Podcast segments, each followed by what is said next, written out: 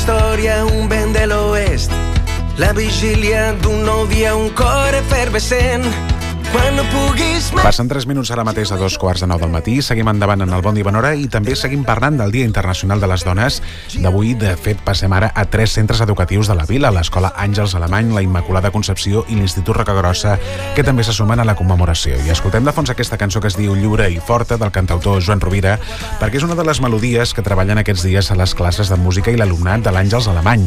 És una de les moltes activitats que duen a terme per commemorar el 8M, tot i que la directora del centre Carme Nicolàs matisa que els valors del feminisme, la igualtat i la no violència els treballen durant tot l'any. Tenim clar que cal seguir reivindicant amb força els drets i el paper de la dona a la societat. És per aquest motiu que ja fa uns quants dies que a les aules s'estan portant a terme tot un seguit d'activitats.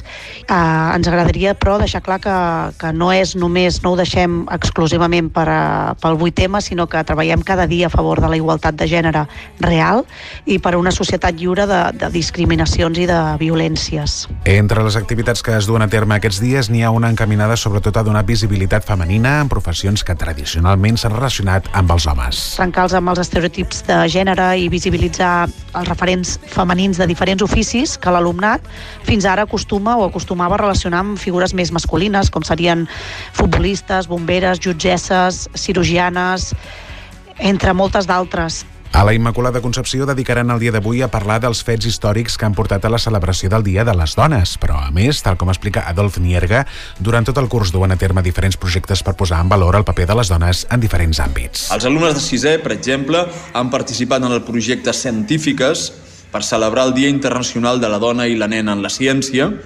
Els alumnes de cinquè estan preparant un projecte que es titula Lloret de Mar, carrers amb nom de dona.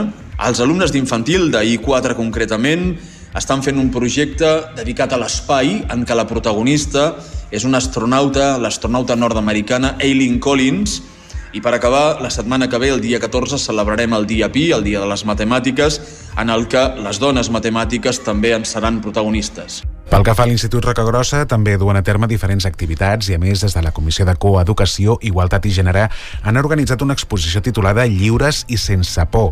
També s'ha animat a tots els docents a tractar el tema des de les diferents matèries i que s'han organitzat diferents activitats a cada curs a banda de fer activitats conjuntes al pati.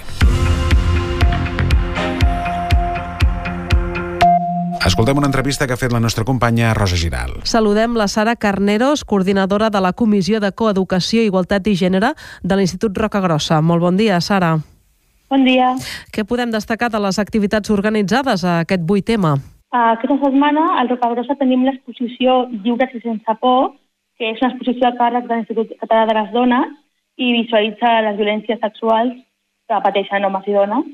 Uh, també veurem pel·lícules, farem biografies de dones que estan desconegudes, uh, fem una anàlisi de publicitat sexista, i a més, eh, aquest any des de la comissió hem creat una bústia i un mail per contactar amb la comissió directament si l'alumnat sent alguna molèstia, alguna situació de violència, etc. Uh, feu un tractament diferent pel tema eh, del 8M en funció de l'edat dels alumnes? Uh, sí, hi ha un anàlisi més gradual i un debat molt més formal. Uh, a primer cicle es fan més referents familiars, de donar peu al, al que veien els anuncis, i de cara ja a batxillerat ja és un tema més seriós, més... Ells també són més madurs, un alumnat molt més madur, i veuen el tema d'una altra manera, molt, molt diferent. I per què creieu que és important commemorar una jornada com aquesta en el Roca Grossa?